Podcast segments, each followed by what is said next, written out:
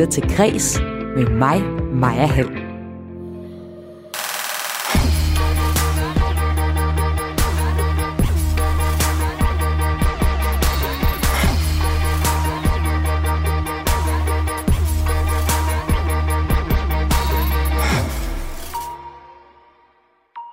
En hemmelig besked på et Edvard Munk billede, genåbningsplanen og en bogskat, der får frivillige kulturkritikere op i det røde felt. Det er overskrifterne i Kreses fredagspanel, der i dag består af musiker, digte, skuespiller og instruktør Ina Miriam Rosenbaum og pressechef på forlaget Lindhardt og Ringhof, Søren Anker Madsen. Jeg, jeg hedder Maja Hall, og velkommen til Kres.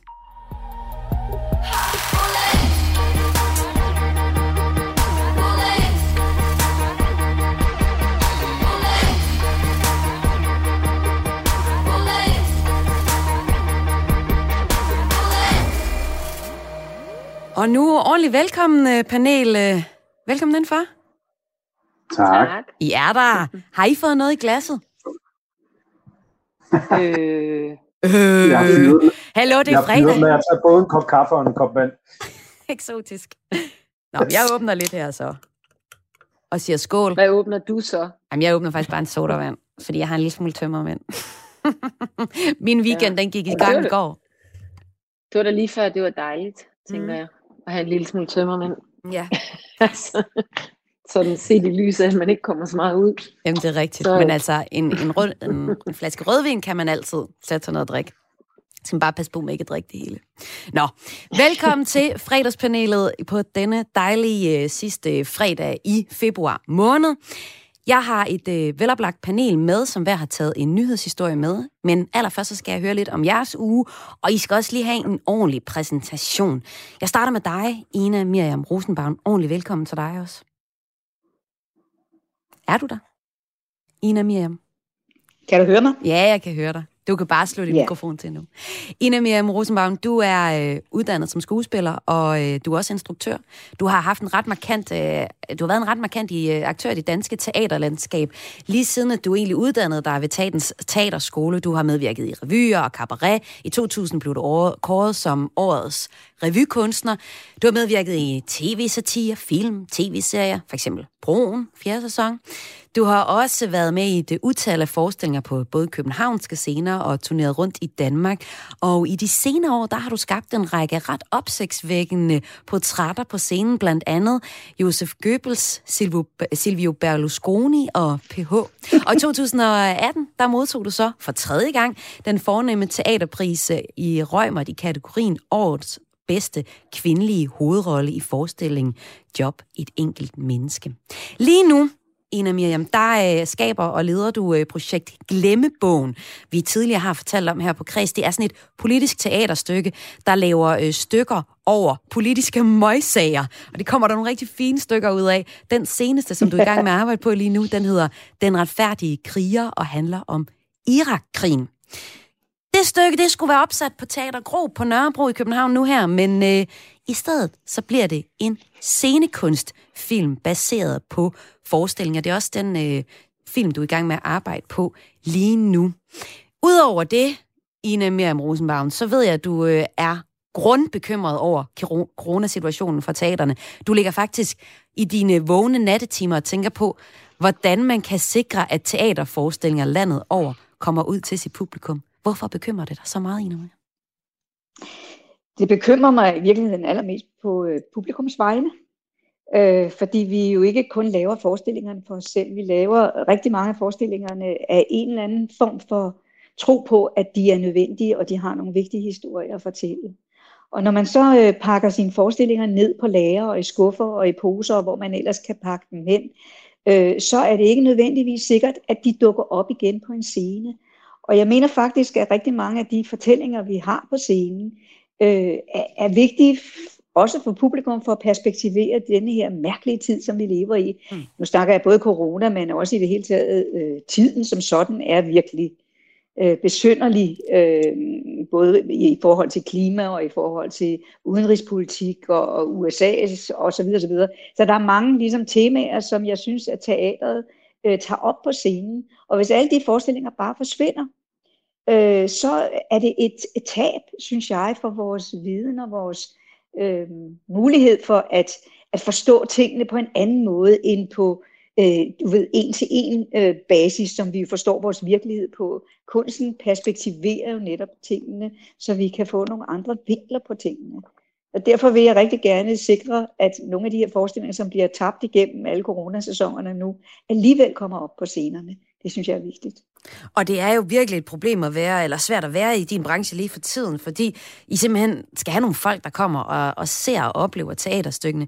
Lidt anderledes mm. har du det måske, digte, fordi man kan trods alt godt spille musikken og høre det hjemme i øh, stuerne. Og også ordentligt velkommen til dig. Du synger under kunstnernavnet Digte og hedder Digte Vestergaard Madsen. Velkommen til. Tak. Du, jeg, sige, jeg, jeg, ja. ja. ja. Nej, men jeg kan bare ikke sige, jeg kan ikke sige andet end, at jeg, jeg kunne næsten ikke være mere enig, at øh, kunst og kultur er det, vi øh, varmer os ved, og det er det, vi øh, perspektiverer vores øh, dagligdag i forhold til, og det er det, der vækker os. Øh, og hvis det er væk, så, så jeg plejer at sige, at man kan godt leve af hvidt brød og øl. Man kommer bare ikke til at leve godt eller længe. Og det, og det er det, som kultur og kunst og kultur gør, og det er, det, og det er derfor, det er så på mange måder katastrofalt, at vi ligesom på mange måder i den her periode ikke rigtig har altså prioriteret og synes, at det var noget. Det burde jo på en eller anden måde have været sådan, at man sagde, øh, nu er vi lukket ned, men, men vi har en helt platform, som er stillet til rådighed. Sådan kunne man jo godt have gjort det, hvor man øh, hver dag kunne få en koncert, hver dag kunne få en teateroplevelse, mm. hver dag kunne få et eller andet, mm. som man kunne, som man kunne øh, føle et øh, socialt fællesskab omkring. Og, og det her, og, ja. Og, ja. Og det, ja, det er jo også noget, vi, øh, vi vender tilbage til i programmet, fordi øh, en af nyhedshistorierne er den her genåbningsplan, der blev præsenteret i løbet af ugen, og øh, her i panelet kan jeg allerede fornemme, at man måske ikke sådan synes, det er en, det er en stanggod plan, der er kommet ud.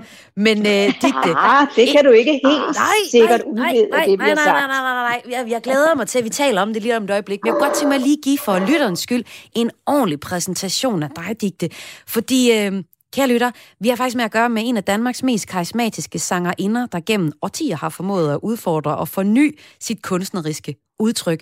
Hun debuterede i øh, gruppen Her Personal Pain i starten af 90'erne, inden hun så gik solo i 93. Hun er sanger og komponist og har lavet et væld af værker, der spænder over en bred vifte af genre.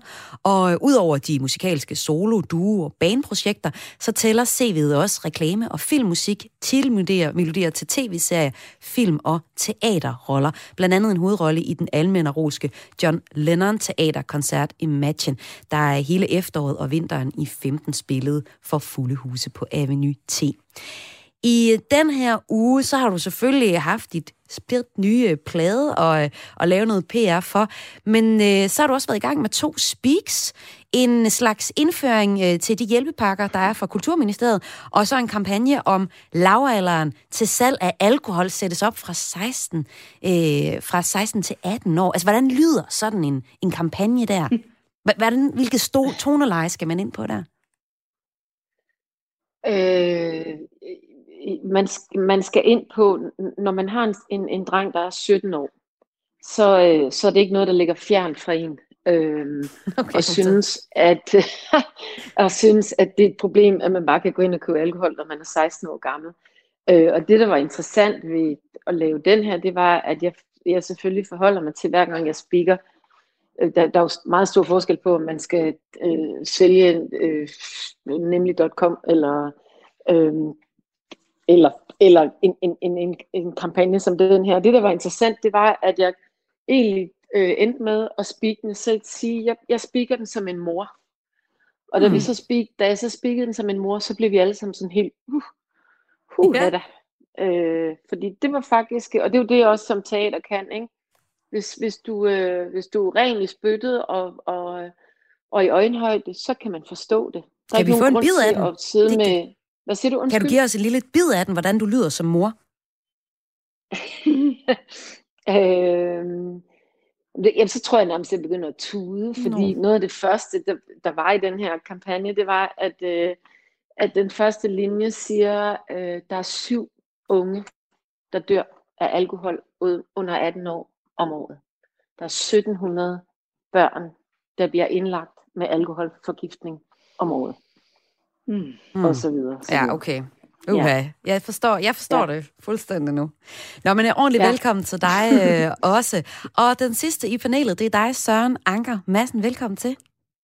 Tak skal du have. Du er pressechef på forlaget Ring, Lindhardt og Ringhof, og så deler du også navn med din far, fandt jeg ud af, fordi øh, det her det foregår faktisk over Messenger Facebook, og da jeg skulle at dig, der fik jeg at vide, at jeg skulle vælge ham den unge udgave af Søren Anker Madsen, fordi ellers så fik jeg fat i din far. Du hedder simpelthen det samme som din far, Søren.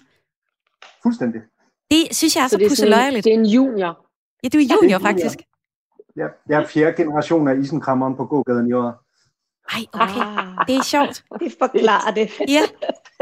Nå, men ordentlig præsentation af dig også. Du er uddannet journalist fra 1996. Du er pressechef på forlaget Lindhardt og Ringhof, hvor du startede i 2011 og kom fra en chefredaktørstilling hos Aller Media, og også tidligere været på Berlingske Tidene i en hel del år. Udover at øh, være pressechef og arbejde med bøger, jamen så er du også forfatter til en række biografier og tekstforfatter til blandt andet Cirkusrevyen, Nykøben Falster Revyen og redaktør på Svinkmøllen. Lindhardt og Ringhof, som øh, du er øh, repræsentant for, kan man sige i dag, det er en af Danmarks største forlag med tilhørende datterforlag, og det beskæftiger 180 mennesker og udgiver omkring 600 bøger om året. Og øh, du er en af dem, der kan gå på arbejde, fordi du havde corona mellem jul og nytår, så tillykke til dig for det. Øh, den helt store nyhed for, for din banehalvdel, banehalvdel øh, tænker jeg lidt, er, at boghandlerne åbner på mandag. Det lyder jo egentlig som verdens bedste nyhed for sådan et forlag, men øh, jeg tror slet ikke, I har brug for boghandlerne, fordi jeres tal det viser, at de har haft et rekordår på grund af lyd og e-bøger. Er der noget... Øh... Ej, ej, ej sådan, sådan kan man heldigvis ikke sige det, fordi okay. vi er meget Ja, vi er meget afhængige af boghandlerne, og vi er rigtig glade for, at de åbner på mandag, fordi man skal lige huske den nedlukning, der var i foråret. Der var det kun storcentrene, der var lukket. De boghandlerne, der lå på strøget rundt omkring i, i de danske byer, var faktisk åbne. Så, så de tal, der er for 2020, vi du ikke kunne sammenligne med 2021, hvis, hvis boghandlerne forblev lukket. Det ville vi slet ikke det ringe i branchen, der kunne tåle. Okay, modtaget. Men altså, velkommen til hele fredagspanelet. Jeg håber dig, der lytter med, er klart på at holde en omgang lidt for tidlig fredagsbar ved at få lidt i glasset, og så øh, skåle weekenden ind sammen med os. Du lytter til Græs med mig, Maja Hall. Og med mig har jeg et fredagspanel bestående af musiker, digte, skuespiller, instruktør Ina Miriam Rosenbaum og pressechef på forlaget Lindhardt og Ringhof Søren Anker Madsen.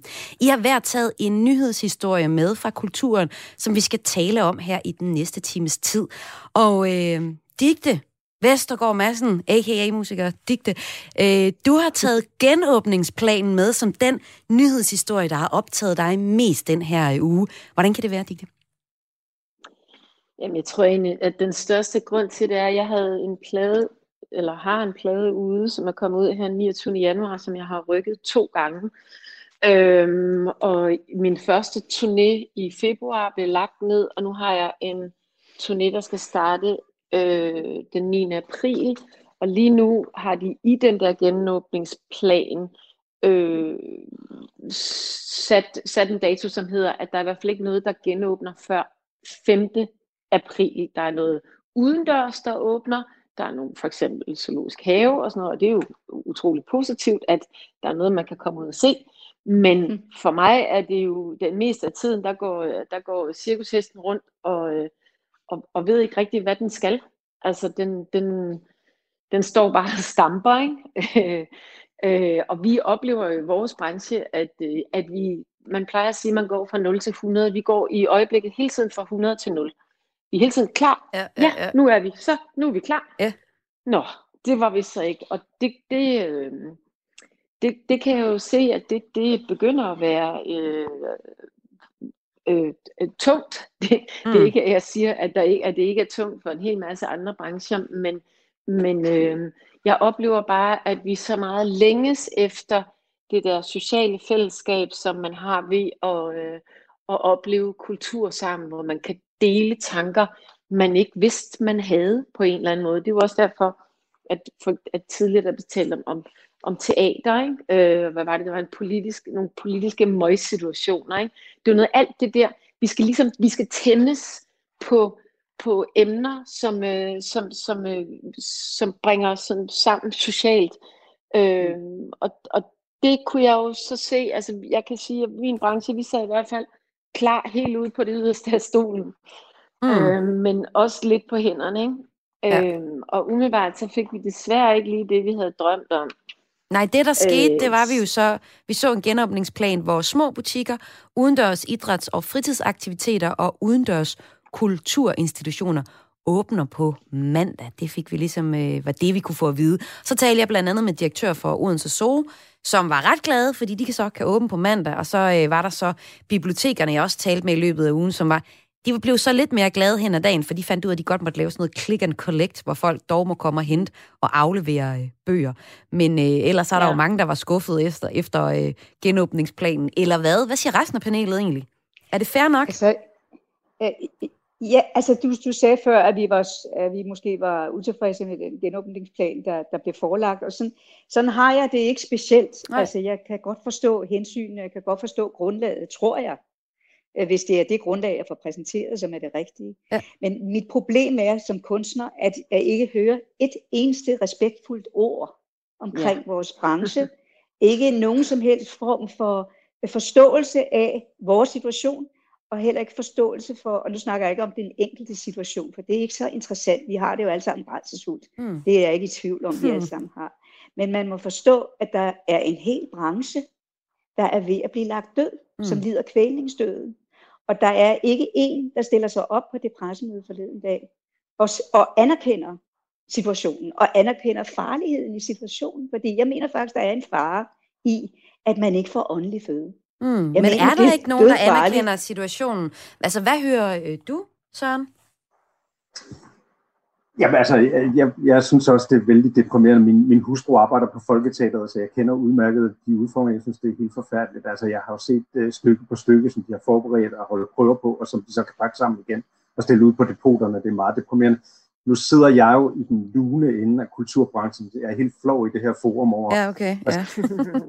jeg siger, at uh, at coronaen nærmest fungerede som en blød hånd i ryggen på, på uh, forlagsbranchen sidste år. Selvfølgelig, gudske lov, ja. kan man sige, at der, ja, er, det er, jo, der er et sted. Ja. Men jeg, har, jeg, jeg græder godt nok meget for resten af kulturbranchen. Det er der mange af mine venner er, jeg synes, det er virkelig hårdt for dem.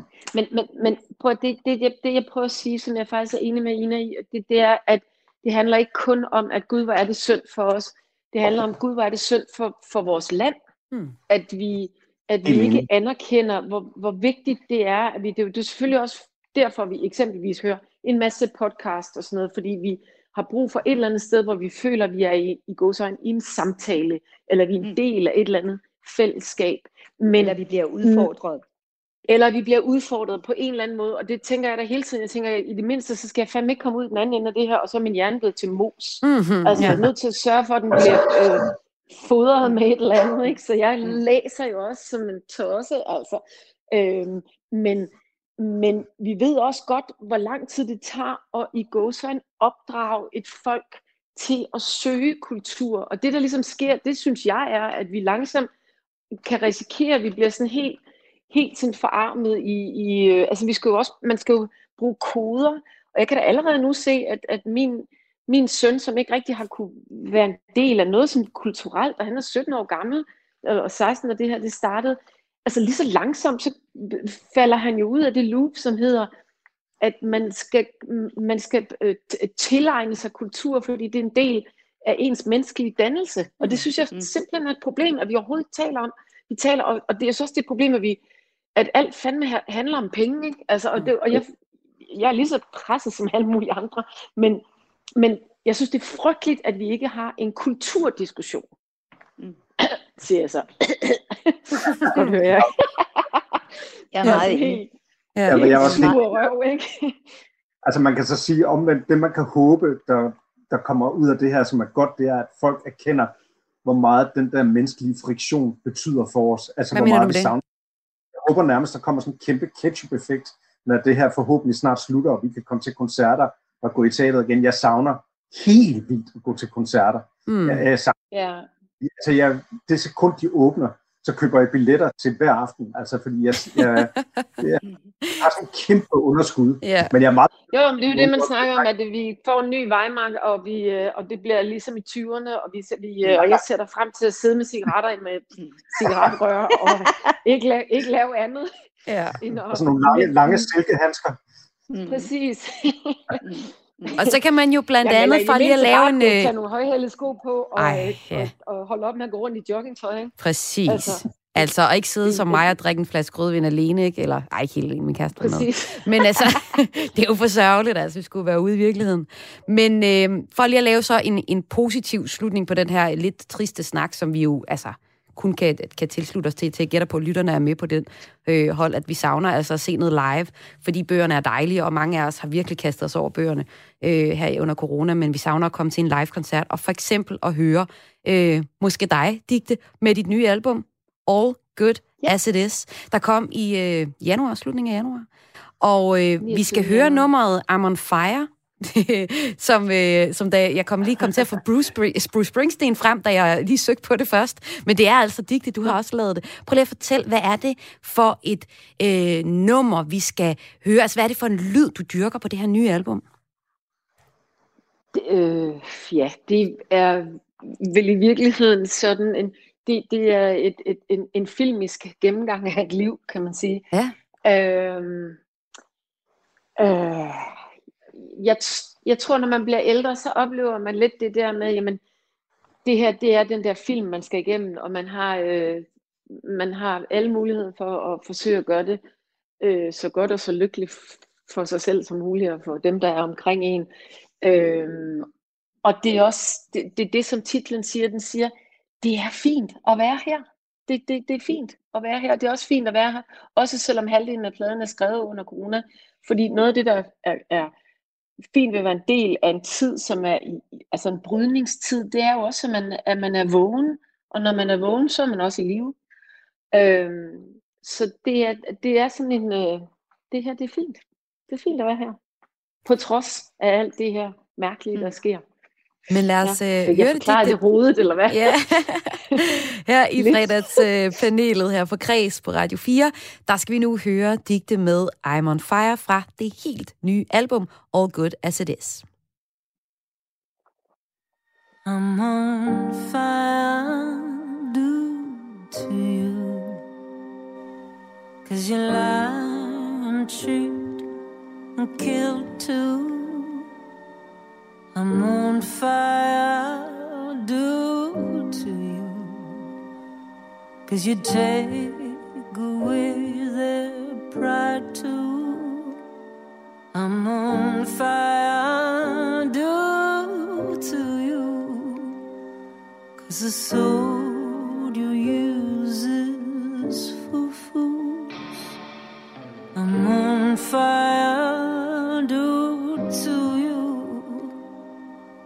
Cause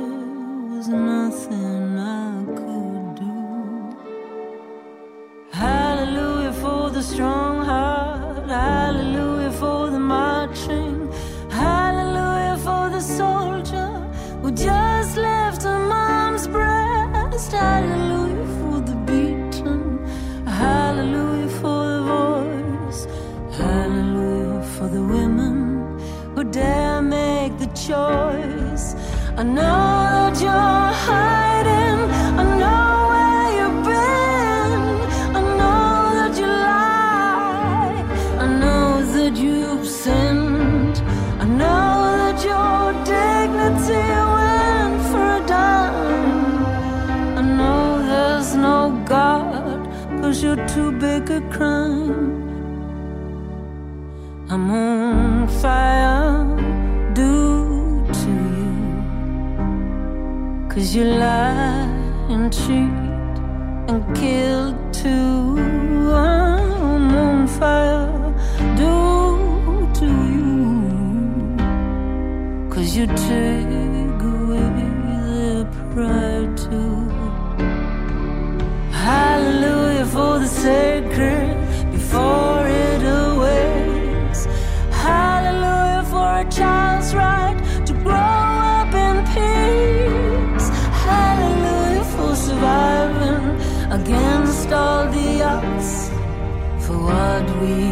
give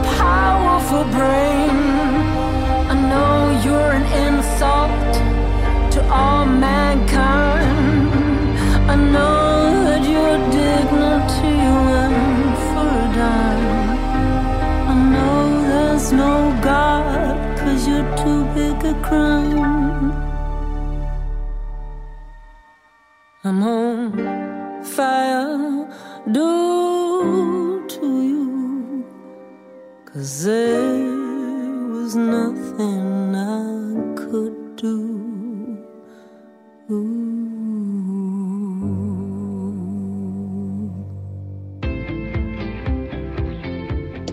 Du lytter til Græs med mig, Maja Hall. Og det er blevet fredag, derfor består Kreds i dag af et fredagspanel. Og i med mig i fredagspanelet har jeg musiker Digte, jeg har skuespiller og instruktør Ina Miriam Rosenbaum, og så har jeg pressechef på forlaget Lindhardt og Ringhof, Søren Anker Madsen. Og øh, lad os... Skal vi, ikke lige, skal vi ikke lige starte med at sige tak for nummeret? Det var virkelig dejligt. Ja. Jeg synes, det var et super dejligt er nummer. søde. Tak, Ja, det var det Tak. virkelig. Hvor er I søde. Er I søde. Tak skal I have. Tak. Lad, vi lader det lige stå. Det er så dejligt, når der er lidt kærlighed i panelet her. Jamen, øh, Ja. nu fedt. Tak. tager vi så den næste nyhedshistorie. Og øh, Ina Miriam Rosenbaum, du er skuespiller og instruktør, og du har valgt en historie, der handler om skriget. Prøv lige at fortælle, hvad den går ud på. Altså skridet? Eller Nej, historien? nyhedshistorien. Skriget, okay. Det er et billede af Edvard Munch, og der er sikkert mange, der kender det, om ikke andet, så måske fra en lille emoji øh, af en øh, lille gul figur, der skriger. Men det er altså et øh, billede øh, malet så af fik, Edvard så Munch. fik vi det placeret. Så er alle lyttere ja, med. altså sk- skridet er jo rigtig relevant i øjeblikket, fordi jeg tror, mange af os ligner Edvard Munchs øh, øh, menneske der. Skridet Ej, det mener du imellem i de her tider. Jo, jeg kan i hvert fald kigge mig selv i spejlet en gang imellem, når der ikke er andre, der ser på det. Og så tager jeg mig til hovedet. Men det, jeg synes er fantastisk ved den her historie, hvis jeg skal køre lidt op i helikopteren, det er jo selvfølgelig, øh, hvor meget kunsten kan stille spørgsmål, og hvor meget den kan tale ind over tiderne. Altså, jeg kan ikke huske, hvornår skridet er, er malet, men han dør vist i, øh, Munk dør vist i øh, 44, så det er, jo, det, er jo, det er jo et gammelt, gammelt billede, om, som man er blevet ved med at diskutere. Man har diskuteret Edvard Munch, hvor vanvittig var han egentlig, da han malede det her. Og netop det der med, at skridet udkommer i små øh, emojis, gør jo netop, at det har en virkelig stor gennemslagskraft.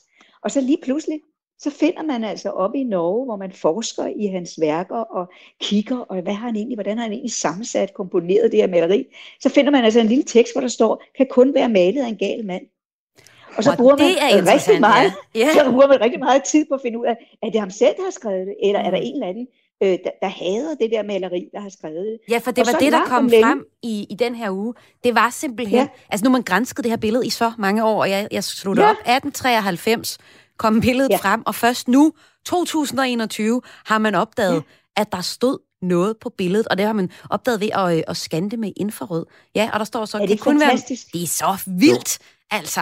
Og, og det er det, jeg mener, fordi det, det tal, altså, jeg, jeg synes jo selvfølgelig, det taler ind i den snak, vi havde før, om, om hvad kunst kan. Mm. Og det er, at det, det taler jo igennem, igennem geografiske grænser og igennem øh, tider og århundreder, så taler det direkte ind i den tid, vi er i, og stiller nogle spørgsmål, fordi jeg kan ikke beslutte med mig selv, om jeg synes, det er sjovt, at han har skrevet det, at det er ironi, fordi han vidste, han vidste jo, at vi ville diskutere det her billede, for det var så anderledes i sit udtryk, end man måtte male på den tid.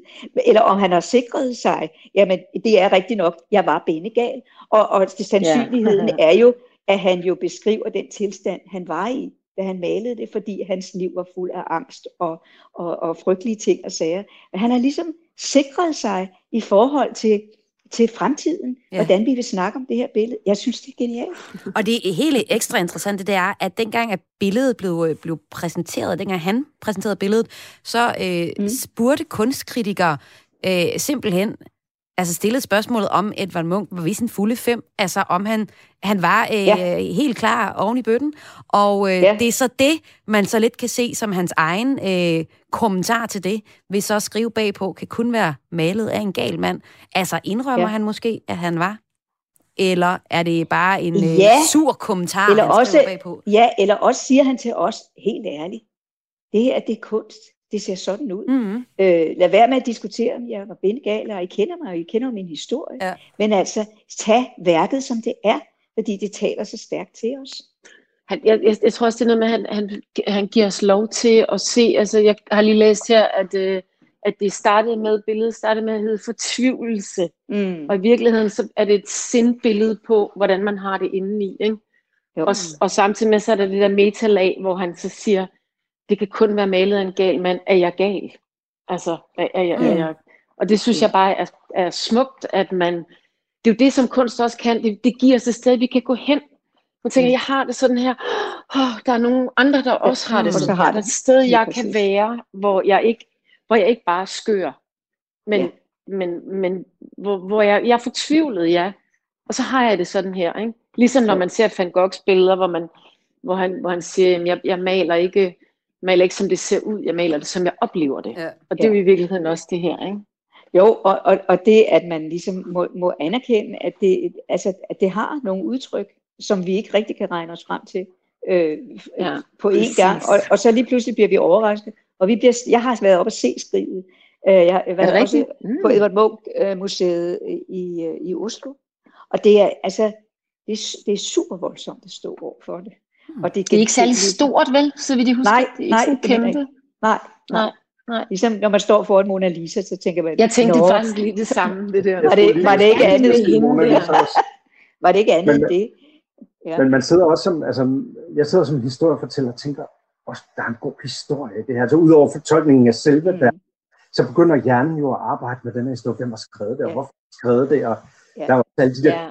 Mona Lisa og sådan noget. Jeg elsker det. Altså, ja. det går der videre i baghovedet lang tid efter, man har set det. Ja, ja også nu og med det er den det, her ekstra... kunst kan, nu når vi skal, når vi ligesom i, på en eller anden mærkelig måde er slår slag på kunsten i dag, ikke? Det ja. kan, kunst kan, når det er allerbedst, så, så brager det der ud af oven i hjernen på en, og ikke nødvendigvis dårligt eller godt, eller, men, men det får os til at tænke, og det, det, øh, der er så meget andet, der får os til at tænke, åh, hvordan, øh, kan, har jeg nu ikke fået min datter i børnehave, eller altså, mm. du ved, hvorfor fik vi ikke det, eller hvorfor skete der ikke det, men kunst gør et eller andet, som er, som er noget større end, end det der øh, praktikpissing. okay, and on that note, så tror jeg, vi tager en skål lige præcis.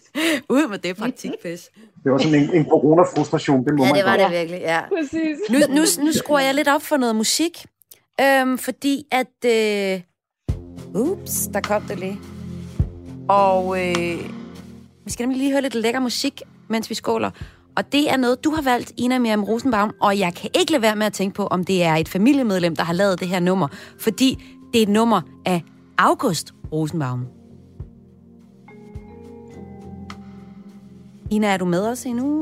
Ja, jeg er med dig, men, ja. men jeg vil ikke tale ind over nummeret. Nej, det synes jeg, der var ærgerligt. Så, gør, så hører så, vi nummeret, og så fortæller du bagom. Bag ja, det er i orden. Det er i orden. Eller hvad? Nej, det er helt i orden.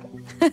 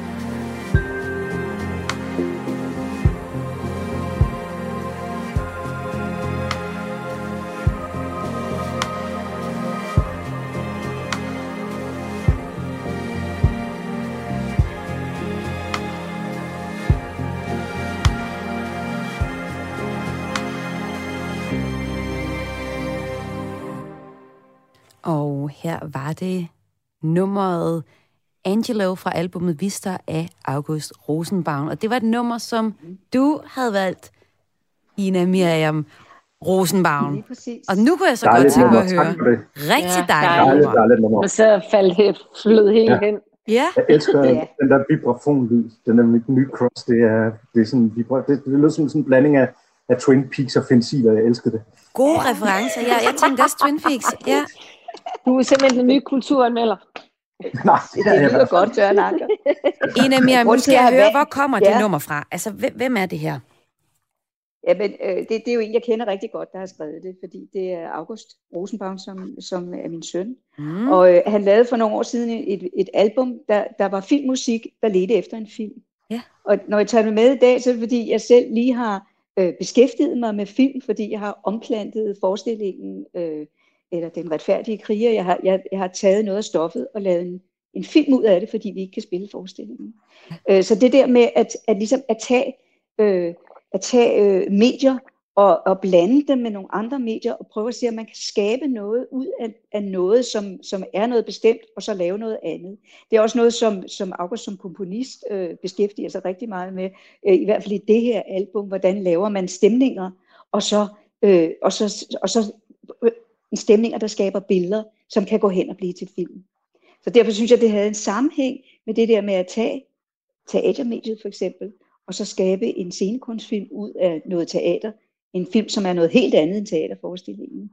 Og August har skabt musik, som øh, planter sig ind her. Jeg har blandt andet brugt noget af hans musik i mine forestillinger, og, og han laver også filmmusik. Så der er noget med, at, at alting, altså mange udtryk er i familie med hinanden, og kan bruges på kryds og tværs, og det synes jeg er virkelig interessant. Og tusind tak for at præsentere os for øh, Augustus musik. Her hørte vi i hvert fald ja. lige lidt af den, og man kan finde Mm. meget mere, for eksempel på Spotify. Og øh, vi spiller en jingle. Du lytter til Græs med mig, Maja Hall. Og det er altså Græs her på Radio 4, du har skruet ind på på din radio. For eksempel hvis du er og kører en lille fredagstur nu, så øh, hører du en øh, fredagsudgave af Kreds på Radio 4, og det betyder, at jeg har et panel i studiet. Det består af musiker, digte, skuespiller og instruktør Ina Miriam Rosenbaum, og så har jeg pressechef på forlaget Lindhardt og Ringhof, Søren Anker Madsen med. Og I har været taget en uh, nyhedshistorie med fra ugen i Kulturens regi, hjørne øh, af nyhedsbilledet, og det taler vi så om her og sender ugen godt på øh, weekend, også med lidt i glasset, og skål til hele panelet også. Skål. Øhm, Skål. Nu skal vi have fat i dig, Søren Anker Madsen. Du har nemlig taget en nyhedshistorie med, der handler om noget så kedeligt som skat. Men det er noget, der har fået øh, folk fuldstændig op oh. i det røde felt, fordi det er skat på bøger. En ny skat på bøger for nemlig kritikere, eller altså er, for kritik af bogbloggere, og faktisk også krimiforfatter Sara Bladel. Hun har kaldt skatten for forfærdelig i BT i løbet af ugen, og flere andre forfattere øh, er, er fuldstændig enige med hende i det. Det går ud på, at er man frivillig øh, blogger og, og skriver om øh, bøger, jamen så skal man til at betale skat af de bøger, man modtager, fuldstændig ligesom andre bloggere, der for eksempel fortæller om, om tøj eller mode eller makeup eller hvad det nu kan være. Og det har fået os her på Græs til at tale om litteratur og i det hele taget kulturkritikere, de professionelle, og øh, så alle de uprofessionelle, om man vil, der skal til at betale penge for det. Men jeg kunne godt tænke mig at høre dig jo, som forlagsmand. Hvad siger du til den her debat om, øh, om skatten på, på bøger? Øh, jamen nu er det jo en skat på, øh, på de øh, bøger, vi sender til dem. Ja, det er det. Sige, jeg har sådan set altid skulle svare skat af det. Det, der er sket øh, de forløbende uger, det er, at skat ligesom har skærpet retorikken over for dem og sagt, I skal betale skat af den fulde markedsværdi, altså den vejledende udsalgspris. Og så er der mange af bloggerne og influencerne, der beskæftiger sig med litteratur, der har sagt, jamen det kan vi ikke, vi får ikke løn for vores arbejde, vi, vi gør det frivilligt, fordi vi synes, det er interessant. Øh, øh, og det øh, har de så appelleret til øh, Kulturministeriet og Skattemyndighederne for at sige, altså om, om der ikke måske er en bagatelgrænse, om der ikke er forskel på at få en kriminalroman til 200 kroner, eller hvis de nu var Niklas Bentner og havde fået en rejse til Dubai for at lave noget reklame for et eller andet øh, firma.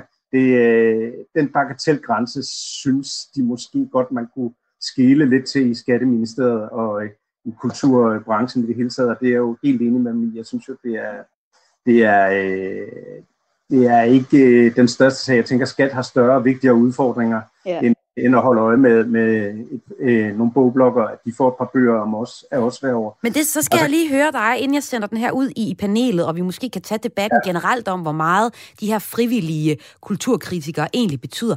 Hvor meget betyder bogbloggere for et forlag som Lindhardt og Ringhof i jeres pressearbejde? Jamen, de betyder det, at, at øh, og det tror jeg faktisk er fælles for hele kulturbranchen, det vil digter Ina sikkert kunne øh, sige også, at, at de, de etablerede medier dækker ikke kulturen på samme måde, som de gjorde for 20 år siden. Øh, og derfor er øh, der er ligesom opstået sådan et, et uh, community af folk, der er meget interesseret i en eller anden gren af kulturlivet. Der, altså, kvad de sociale medier, så kan de ligesom lave et, et fællesskab, hvor de har sådan et, en, en interesse, brændende interesse for et eller andet felt inden for kulturen, som de beskæftiger sig med, der kan man så sige, det er måske ikke den samme faglighed, som en, øh, en mm. kritik på et stort dagblad traditionelt har haft, men omvendt så er vi også bare nødt til at sige, vi er nødt til at skabe noget opmærksomhed om det, vi laver. Mm. Øh, og det har vi så brugt blogger og influencer til, som, øh, som øh, jeg vil sige, der er også nogle af bloggerne, der, der har en stor faglighed, det vil jeg altså bare lige understrege. Mm. Øh, ja, men jeg mm. betragter det meget som sådan et interessefællesskab, på sociale medier, hvor man deler sin begejstring for litteratur eller musik eller teater.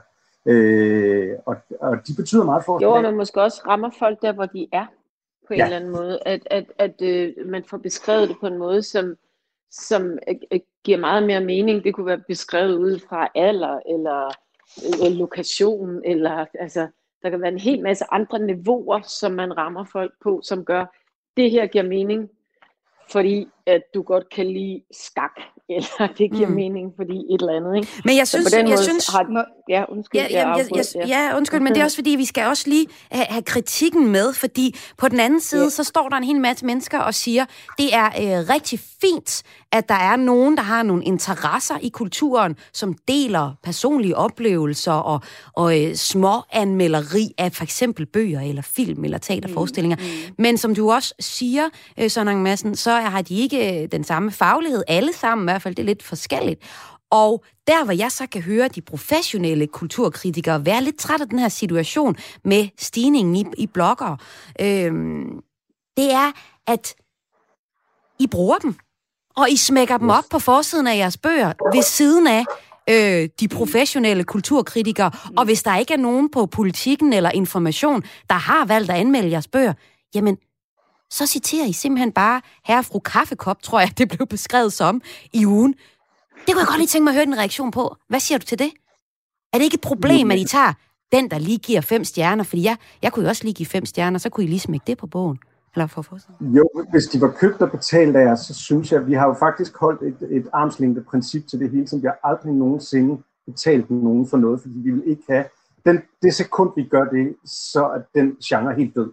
Så kan vi aldrig gøre det igen. Øh, jeg synes ikke, det er et problem, at øh, nogen, der blogger om krimier meget passioneret, kommer på forsiden af en bog, som information og politikken ikke anmelder. Jeg, jeg har svært ved at se, hvad problemet er. Øh, men Søren... Ja. Lad os høre på noget Nej, nej, må, jeg, må, jeg spørge, må, jeg spørge, øh, ja. men, men mener du ikke, at det også frigiver eller fritager de, de, øh, kan man sige, de, de større medier for at, at øh, blive ved med at have kunstkritik?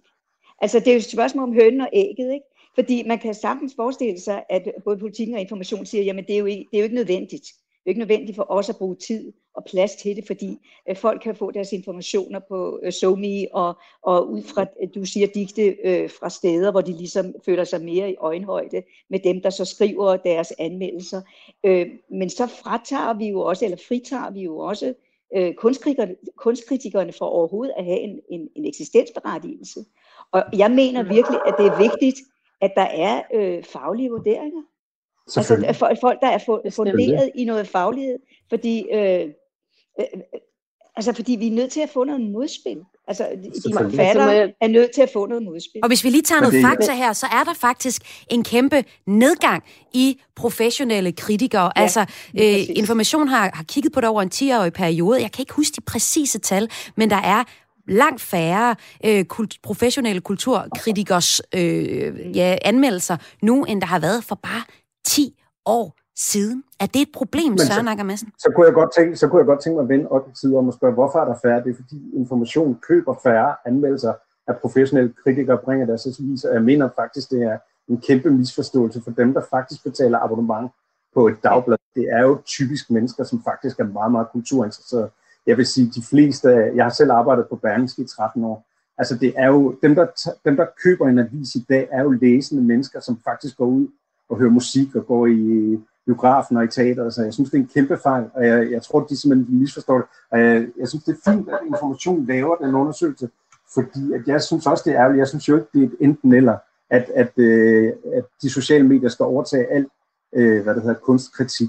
Slet ikke. Jeg synes, det skal være et både over. Jeg er helt enig med Ina i, at der skal selvfølgelig også være den der øh, stærke faglighed, der, der nogle gange slår på pukten, hvis, hvis noget ikke er godt. Men, men jeg kan ikke se, at det er et problem, at der er kommet sådan nogle interessefællesskaber på sociale medier. Det er en helt naturlig reaktion på, at, at den etablerede, hvad skal man sige, kritik er, er blevet så marginaliseret i de etablerede medier. Så du ser, at der er potentiale i det, der kommer simpelthen flere ind. Og lad os lige, lige høre dig, Digte. Du var ved at sige noget før, ja? Jamen, det, det er bare fordi, jeg, nu har jeg ikke lige set den der sag, og jeg, jeg forstod ikke helt, at det, er det øh, på, på lige præcis den her bogbranche ting, at det går, eller er det bare, at der er en bagatelgrænse på i det hele taget, hvad man giver til bloggere? Altså, jeg kunne, jeg kunne ikke lige forstå øh, rammen. Nej, det, er, det er faktisk øh, alle, der modtager, også hvis man stadig udgav CD'er eller LP'er, øh, så, vil, så vil dem, der modtog den, øh, også skulle svare skat af markedsværdien af det. Øh, så det, okay, men det, men det gør de jo for eksempel med, med mine CD'er eller LP'er ja, eller et eller andet. Så, så det, også... vi snakker om, det vi snakker om, det er, det er, at er det, og det er hele kulturbranchen, eller er ja. det i det hele taget? Altså, er det, det er bare en nedre grænse for et eller andet beløb? Jamen, der er ikke, eller, der er ikke nogen nedre, der er ikke nogen nedre grænse. Det, det, det, der er det nye, det er, at skat ligesom har, har skærpet retorikken og sagt, det er alle, der modtager noget. Øh, et eller andet. Et eller andet. Så det er bare bøger? Nej, det er alt. Også hvis der ja, er nogen. Alt. Okay, nå, det var fordi, det lød kunne... bare som om, at det kun handlede om det, fordi så handler det jo mm. om, om alt, øh, alt kultur, eller alt, ja. alt øh, og der, nu er det bare bogbloggerne, der, der har reageret på det. Yes, men, men, men grund til, at jeg synes, at det er en interessant diskussion, det er, fordi der er meget stor forskel på, om øh, nogen modtager en creme, og det er en, vi skal ja. have solgt, eller vi mener, at vi skal sælge et, et, et eller andet kulturelt, altså at, hvor meget er, hvor meget er sådan et, et, altså alt er selvfølgelig kommercielt i en eller anden forstand, men, men øh, og det, det er der også diskussionen ligger, ikke? Mm. Øhm, jo, jeg forestiller, mig, det, det, det, jeg forestiller mig, at skat tænker, at det er et fysisk produkt, man kan gå ned og mm. sælge på gaden. Okay, på den måde, ja. Men, men jeg ved det ikke. Altså, jeg, jeg forstår det faktisk ikke helt. Vi sætter et kæmpe stort stempel, hvor der står anmelder eksemplar, må ikke videresælges, så vi mm. mener ja. meget, at det burde være nul, ikke?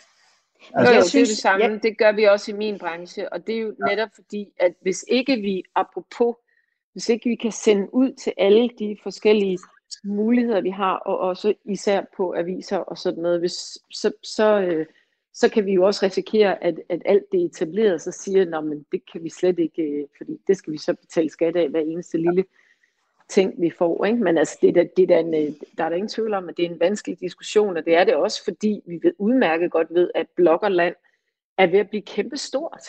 Altså, mm. det, Men kunne man øh, forestille sig, kunne man forestille sig, at man forsøgte, for eksempel, at, at altså nu, nu har vi hele det her med stjerner, ikke? Vi har mm-hmm. to stjerner, tre stjerner, fem stjerner, whatever, hjerter osv. Jeg kunne så godt tænke mig, at øh, de professionelle og de faglige kritikere afstod fra at give stjerner. Afstod fra, at, at, at, at, ligesom, at man ikke kan se, hvad der er bloggere, og hvad der er for eksempel af, af dagbladskritik eller kunstkritik. Og det kunne man for eksempel gøre, hvis man ligesom lavede en overenskomst, der hed, vi giver ikke stjerner mere. I må læse, hvad det er, vi skriver, hmm. så I kan aflæse, i stedet for den der afkodning af, når jamen, den har fået fem stjerner, som får os alle sammen jo til at bruge stjernerne fra bloggerne og stjernerne fra aviserne. Jeg synes, det kunne være interessant, hvis man ligesom lavede en karantæne på stjerner, og sige, okay, nu siger kunstkritikerne, hvad de skriver, og de laver en overskrift, som er ordentlig, og som afspejler det, de har skrevet. Og så må vi altså læse os til, hvad de mener, i stedet for, at vi smækker de der stjerner og hjerter op overalt, oh, men om... og man ikke kan skælne, hvad der er det ene, og hvad der er det andet. Nej, men det kan man, det kan man jo heller ikke, hvis man, altså du ved jo også godt, at lige, eller nu lyder det så hårdt, men lige meget, hvad, hvad man, altså i en, i en anmeldelse, der kunne du altid finde et eller andet, øh, som du kan fremhæve som et værende en femstjerne. Altså, så, hvis, så på den måde, så, så giver det også en, en indikation af, at hvis ikke vi får kommet igennem det her, hvis ikke du får læst hele den her, så er det i hvert fald det her, jeg synes, sådan kvalitetsmæssigt. Du vil jo altid i en anmeldelse kunne finde et eller andet, den og den var god, eller eller det her, det var godt, eller det, det, det, øh, lyset var fabelagtigt, eller jo, så men den måde det, det jo også... Det, det, det er ja. sjældent, det afspejler det, der står i anmeldelsen. Ja, det sjældent, har du at det bliver afspejlet det, i de tænker, stjerner, der bliver givet. Og for fanden har jeg kun fået fire stjerner, når, ja, skriver, når den er, er tilfældig. Ja, lige præcis. lige præcis. Så jeg synes, det vil, vil være en interessant snak at tage og, og påbegynde. Det er hele det her stjerneræs, som jeg synes er fuldstændig absurd efterhånden. Og du kan jo så begynde bare, at... Øh, og jeg bliver nødt til lige at bryde ind her, for vi er ved at være færdige for programmet. Men det er jo den her samtale om, hvad kulturkritik skal kunne i uh, en frivillig eller en professionel uh, anlæggende. Den tager vi næste Jamen, fredag. Den tager vi faktisk ja. ikke på mandag, men mandag den 8. marts, der laver jeg en helt special her på Radio 4. Ah, hvor spændende. Det. Så der kan man uh, lytte endnu mere med, og uh, det er jo en interessant pointe. Jeg tror, du skal til at læse Weekendavisen. Der giver de ingen stjerner. En, Nej, information nej. heller ikke. Og information heller ikke, ja. Nej. Så det er der allerede. Nej. Jeg vil sige tusind tak for mit fredagspanel. Jeg skulle faktisk have spillet noget Daft Punk nu, øh, så det bliver meget Ej. lidt af det, vi kommer til at høre. Det gerne. ja, ikke også?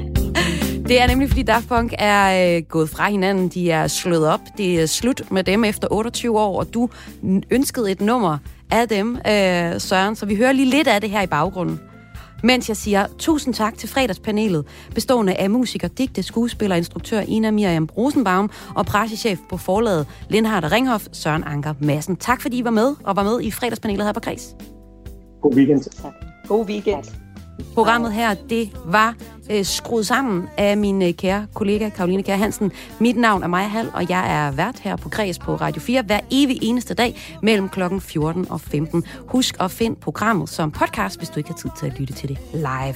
Og det var alt fra øh, fredagspanelet og mig denne fredag. Nu hører vi lige øh, en lille smule af Fragments of Time med Daft Punk featuring Todd Edwards. I'll just keep laying back.